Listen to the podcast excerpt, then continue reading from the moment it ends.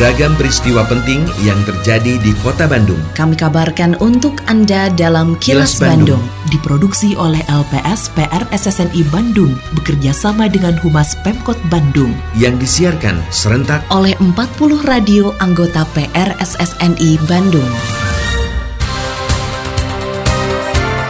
Sejumlah informasi aktual kami hadirkan untuk Anda dan inilah informasi utamanya.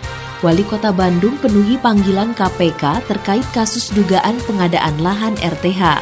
Layanan terbatas di Sdik Kota Bandung terapkan WFH. Pemkot Bandung belum putuskan pemberlakuan jam malam. Saya Santika Sari Sumantri, inilah kilas Bandung selengkapnya.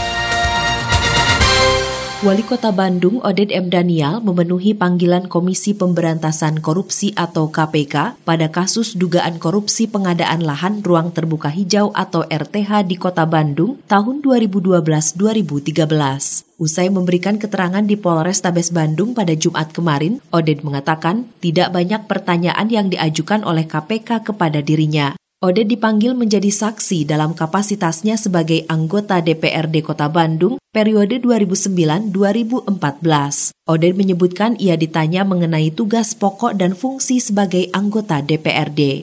Reporter Yudi Dirgantara melaporkan, Oded mengatakan dalam pemeriksaan tersebut, ia juga ditanya mengenai sosok tersangka, termasuk pertanyaan mengenai pembahasan anggaran untuk pengadaan lahan RTH. saksi memberi keterangan atas RTH di Kota Bandung. Nggak banyak, cuman ada sekitar lima atau enam pertanyaan. Pertama tupoksi ya ke dewan, biasa ke dewan. Kemudian bagaimana proses pembahasan anggaran dulu dan yang lainnya ya memang ditanya juga apakah kenal dengan nama Pak Dadang ya? Saya memang kenal kenal. Orang memang udah kenal saya. Artinya ya kenalnya kan siapa orang sih tidak kenal dia kan? Dia orang-orang dikenal kan cuma kenalnya memang di acara-acara umum pemkot saya gitu Sebanyak empat aparatur sipil negara atau ASN Dinas Pendidikan Kota Bandung terkonfirmasi positif COVID-19 berdasarkan hasil swab tes yang dilaksanakan pada Selasa 1 September lalu. Kepala Dinas Pendidikan Kota Bandung Hikmat Ginanjar memastikan keempat ASN tersebut telah mengisolasi secara mandiri dan saat ini kondisinya dalam keadaan fit. Dinas Pendidikan juga terus berkoordinasi dengan Dinas Kesehatan. Sementara itu, Sekretaris Disdik Kota Bandung, Cucu Saputra, membantah bahwa kantor Disdik ditutup. Menurutnya, jika sudah dilakukan swab test, maka para pegawai Disdik Kota Bandung melaksanakan bekerja dari rumah atau work from home. Seperti dilaporkan reporter Evi Damayanti, Cucu mengatakan layanan di kantor Disdik Kota Bandung tetap berjalan, namun hanya melayani keperluan mendesak, sedangkan untuk konsultasi bisa dilakukan secara online. Ada pelang di payun sana ditutup pelayanan terbatas. Karena kita kami sudah melaksanakan seluruh jajaran melaksanakan tes swab sejumlah 50 orang. Nah, menurut standar SOP dari kesehatan kan harus WFH bukan ditutup layanan terbatas. Saha nu prioritas saha nu atau masyarakat pilih tidak yang alih-alih ya Nah, tapi sebatas konsultasi, misalkan ingin ketemu secara personal, itu dibatasi dulu. Pelaksanaan swab test terhadap aparatur sipil negara atau ASN Kota Bandung pada 27 Agustus hingga 8 September sudah menyasar sekitar 1.500 orang yang bertugas di 33 SKPD dan kewilayahan. Kepala Dinas Kesehatan Kota Bandung Rita Verita mengatakan belum seluruh swab test dapat diketahui hasilnya. Menurut Rita, hingga saat ini ada 14 ASN dari Dinas Sosial dan dua kecamatan yang ditemukan terkonfirmasi positif COVID-19. Para ASN tersebut sudah diisolasi di RSKIA Kota Bandung, tapi ada juga yang melakukan isolasi mandiri. Reporter Evi Damayanti melaporkan, Rita mengakui ada penambahan kasus COVID-19 karena tes masif terus dilakukan.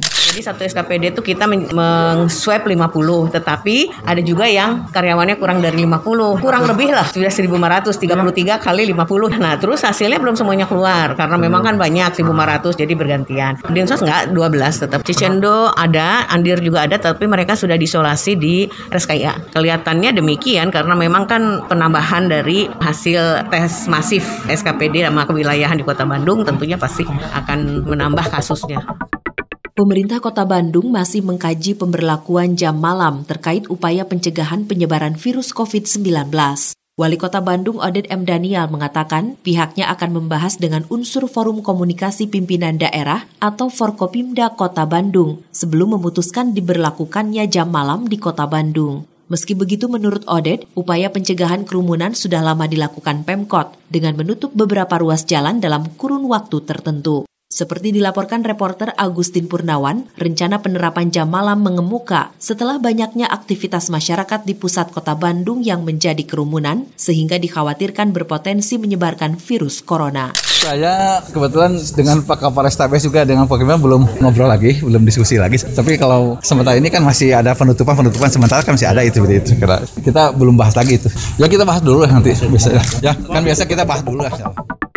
Rumah Sakit Khusus Gigi dan Mulut atau RSKGM Kota Bandung mulai Senin 7 September menerapkan pendaftaran secara online. Direktur RSKGM Kota Bandung Lucianti Puspitasari mengatakan, nantinya pelayanan hanya akan dilakukan kepada pasien yang sudah mendaftar melalui aplikasi RSKGM online. Menurutnya mekanisme ini sudah direncanakan sejak lama, namun karena didorong oleh pandemi, maka segera diterapkan. Seperti dilaporkan reporter Agustin Purnawan, menurut Lucianti, selama pandemi COVID-19 ini, RSKGM membatasi jumlah kunjungan. Namun calon pasien yang datang tetap banyak sehingga harus dibuat sistem pendaftaran untuk kepastian pasien mendapatkan layanan. Dari jam 4 subuh itu sudah banyak yang antri ini masuk ke RSKGM Kota Bandung. Tapi karena juga jumlah kuotanya kami batasi karena kondisi dalam keadaan pandemi Covid saat ini sehingga banyak masyarakat yang tidak bisa kami layani. Sehingga saat ini dalam beberapa waktu yang lalu memang ini sudah kita rencanakan jauh-jauh sebelumnya kami mulai akan menerapkan sistem pendaftaran online dengan masuk ke dalam aplikasi RSKG online di Play Store. Lebih dari 11.000 botol minuman keras berbagai merek dan 1.500 liter tuak dimusnahkan jajaran Polresta Bandung. Ribuan liter minuman keras tersebut merupakan hasil razia yang dilakukan unit reskrim dan jajaran Polsek di wilayah hukum Polresta Bandung.